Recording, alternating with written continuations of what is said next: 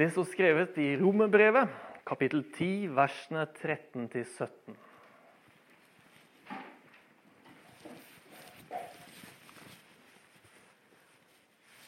I Jesu navn.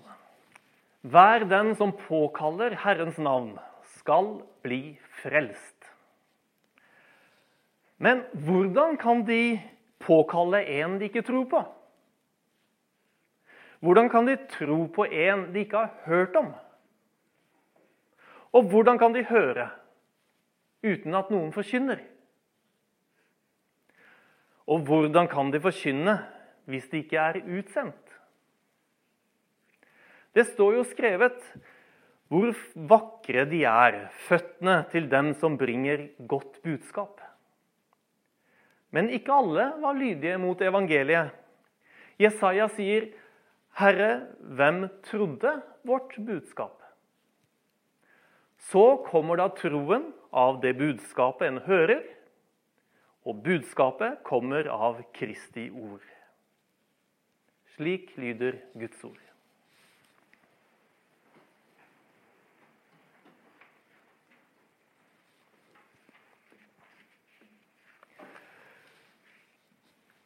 Romerne 10,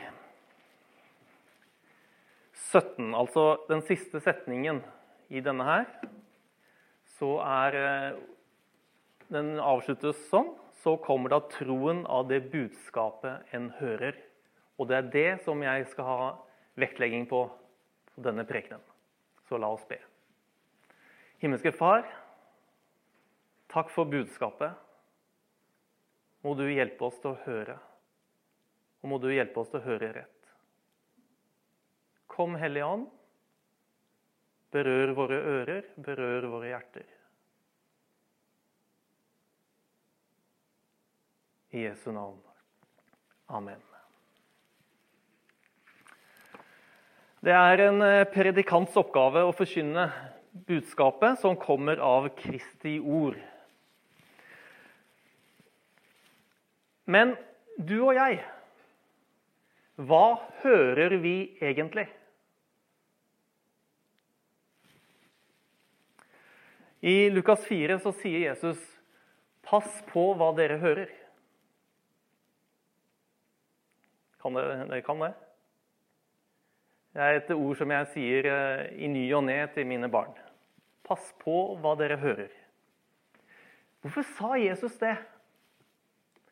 Jo, fordi troen kommer av det budskapet en hører. Så Derfor så er det ikke likegyldig hva slags musikk du hører på, hvilke TV-serier du ser på, bøker som du leser, radio eller podkaster du hører på. Fordi det former troen din. Pass på hva du hører. La oss si nå er et tankeeksperiment. La oss si at du går på gudstjeneste hver eneste uke. Da vil noen selvfølgelig kalle deg for ekstremist, for det er jo litt voldsomt. Men på gudstjeneste så forhåpentligvis så får du hørt forkynnelsen, som varer rundt 20 minutter. Men skal, hvis vi er litt rause, så tenker vi hele gudstjenesten som forkynnelse. Og det er ca. halvannen time. Altså 1 12 time i uka. I 2015 så var det gjennomsnittlig TV-titting 1 time og 37 minutter hver dag. Når det gjelder Internett og sosiale medier, brukte de unge 3 timer og 33 minutter hver dag. I tillegg så kommer jo radio, musikk, aviser, podkaster og bøker osv. osv. Det betyr at gjennomsnittlig en gjennomsnittsnordmann bruker minst fem timer i døgnet på å få inn informasjon og påvirkning utenifra. I løpet av en uke er det minimum 35 timer med ulike inntak. Er det da rart at Jesus sier til oss 'pass på hva dere hører'? For det du hører, og det du lar smelte sammen med deg, det gjør noe med deg. I Hebreerbrevet 4 så sier forfatteren For det gode budskapet er forkynt både for oss og for dem. Men ordet disse hørte, ble til ingen nytte. Fordi de ikke ble ett i troen sammen med dem som hørte det. En gang til. Det ble til ingen nytte fordi det ikke ble ett i troen sammen med dem som hørte det. Og Dette her sier da forfatteren om israelittene som ble ledet ut av Egypt av Moses. Ordet om hvilen ble til ingen nytte. Hvordan da? Jo, de var ulydige mot Gud og lot dermed ikke ordet, altså forkynnelsen, bli ett med dem i troen. Bli ett står det i 2011-oversettelsen og også i 1978-oversettelsen. Men i 30-oversettelsen 1930-oversettelsen så oversettes det med 'å smelte sammen med'. Hvor vi leser 'bli ett med', står det i 1930-oversettelsen 'å smelte sammen med'. Så hvordan kan da man bli ett med, eller smelte sammen med det gode budskapet? Og nå har jeg lyst til å prøve å komme med litt praktisk eh, veiledning og praktisk råd. Fordi det å la budskapet bli ett med deg, det handler bl.a. om mengde. Når jeg driver øvelses, øvelse, biløvelseskjøring med min sønn, så er han kan de fleste reglene, og han vet hvordan man skal kjøre, og han kjører godt. Hva skal til for at han skal klare å bli en veldig god sjåfør og klare sertifikatet når den dagen kommer? Jo, det handler om mengdetrening. Øve seg mye. Og sånn er det også med forkynnelsen, med ordet. Det handler bl.a. om mengde. For vi så at medievanene våre ligger på ca. fem timer hver dag. Hvordan står det til med vanen våre for å fylles av det gode budskapet?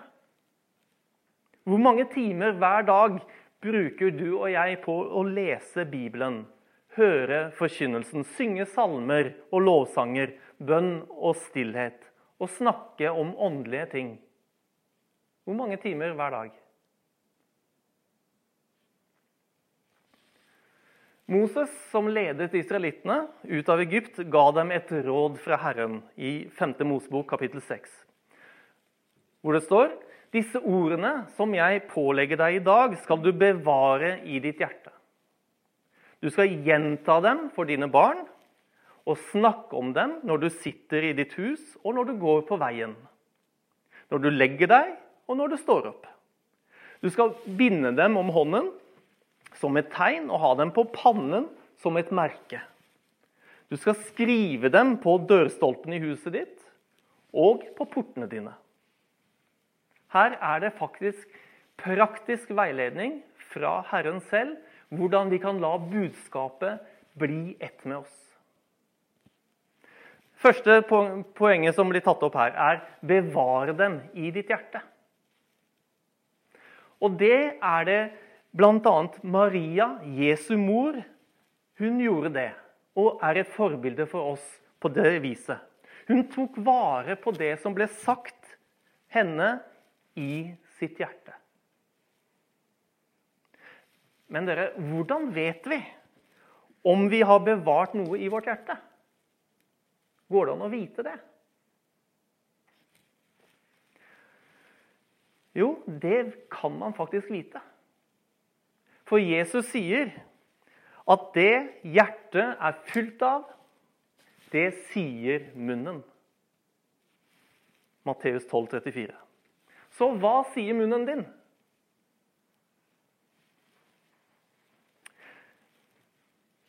Det munnen din sier, det er det hjertet er fylt av. Kanskje er det på tide å fylle hjertet med noe annet.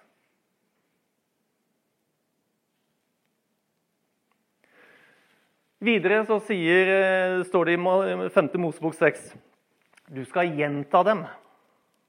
Du skal gjenta dem for dine barn og snakke om dem når du sitter i ditt hus, og når du går på vei, når du legger deg, når du står opp. Du skal gjenta dem. Hva da? Gjenta ordet. Budskapet. Guds ord.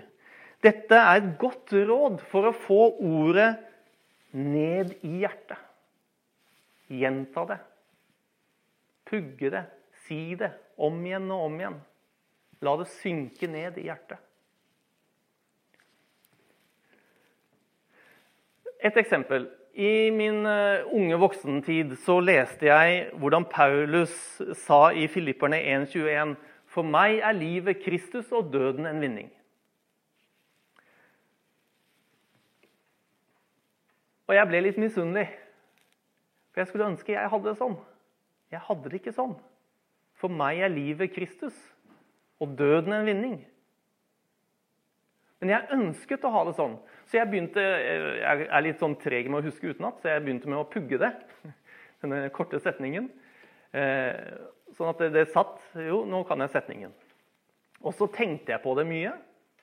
Og etter hvert så begynte jeg å finne ut at jo, jeg bruker pusten. Så når jeg puster, puster inn, så tenker jeg for meg er livet Kristus, og så puster jeg ut og døden en vinning. For meg er livet Kristus og døden en vinning. Og så På den tiden så drev jeg og malte bilder også. Så da malte jeg et bilde med det temaet. For meg er livet Kristus og døden en vinning. Og jeg sa det, jeg pusta det, jeg tenkte det. Og vet dere hva? En dag så oppdaget jeg Nå var det ikke lenger Paulus sine ord. Det var mine ord. Fra mitt hjerte. Og det var ikke noe jeg hadde strevd for å få til, men det var ordet hadde fått synke ned i mitt hjerte og blitt ett med meg.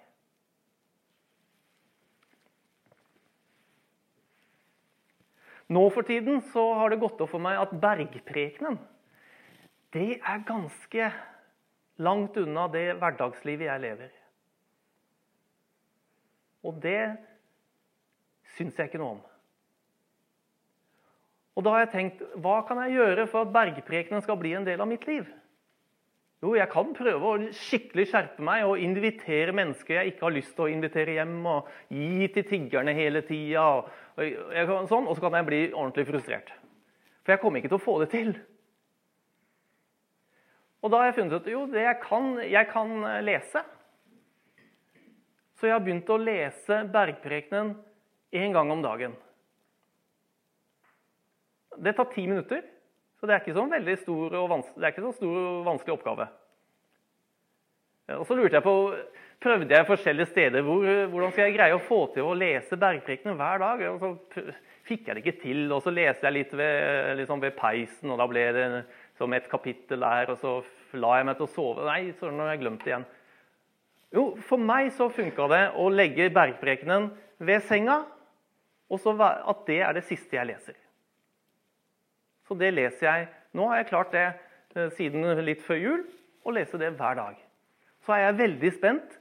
Vil bergprekenen gjøre noe med meg? Nei, det var feil. Jeg er ikke veldig spent om, om bergprekenen vil gjøre noe med meg, men jeg er veldig spent på hva bergprekenen kommer til å gjøre med meg. For det er jeg sikker på at det kommer til å gjøre. Jeg prøver og ønsker og ber om at bergprekenen skal bli ett med meg. I, eh, I denne eh, femte Mosebok kapittel 6 så står det at du skal binde dem om hånden. Og du skal skrive dem på dørstolpene osv. Dette handler jo om å ha fysiske påbindelser om budskapet. Eh, bruker meg som eksempel igjen. Da. Jeg, har, jeg har begynt å legge kristen litteratur på badet, for der må jeg jo innom i ny og ne. Så jeg leser litt der. Eh, jeg, som jeg sa, jeg legger eh, bergprekenen ved sengen. Jeg har en bønnekrans i lomma. Så jeg prøver liksom å ha sånne fysiske ting som minner meg på ordet og budskapet. Du skal binde dem om hånden, sa Moses.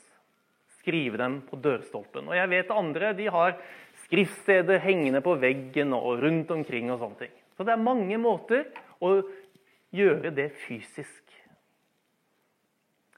Josva, som tok over etter Moses, han fikk selv et ord fra Gud som gjaldt dette temaet. Josva 1,8 så står det Les fra lovboken dag og natt, så du trofast følger det, følger alt det som er skrevet i den. Da skal du ha framgang der du ferdes, og alt skal lykkes for deg. Jeg har jo sagt deg, vær modig og sterk.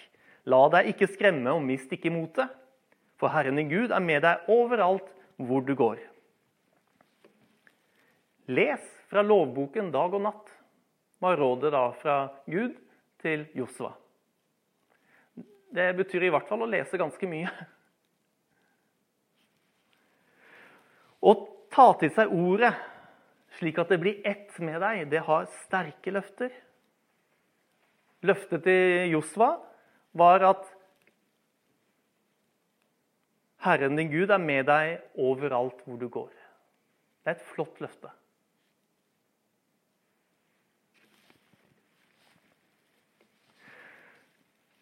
Så vi skjønner det at Jeg håper i hvert fall at vi skjønner det. At det holder ikke å bare høre ordet én gang i uka. En times tid. Og tenke at det er nok. Nei, ordet må bli tatt imot.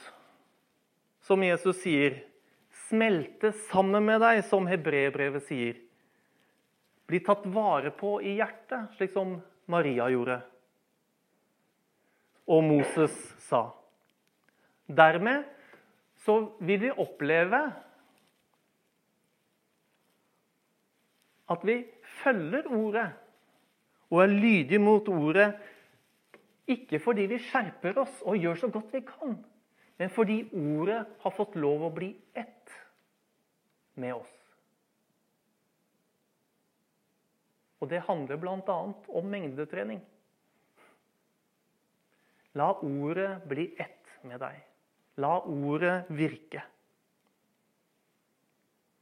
I Åpenbaringen 1.3, siste skriftsted, så står det Salige er den som leser opp ordene i denne profetien. Og salige er de som hører dem, og tar vare på det som der står skrevet for tiden er nær. La oss be. Himmelske Far, takk for ditt ord. Takk for ditt ord og ditt budskap som er levende og skaper hva det sier. Hjelp meg og hjelp oss til å la ordet, til å la budskapet smelte sammen med oss og bli en del av oss. Herre, Takk for at ditt ord er tilgjengelig for oss. Hjelp oss og gi oss en lyst til å ta imot og la ordet smelte sammen med oss. Det ber jeg om i Jesu navn. Amen.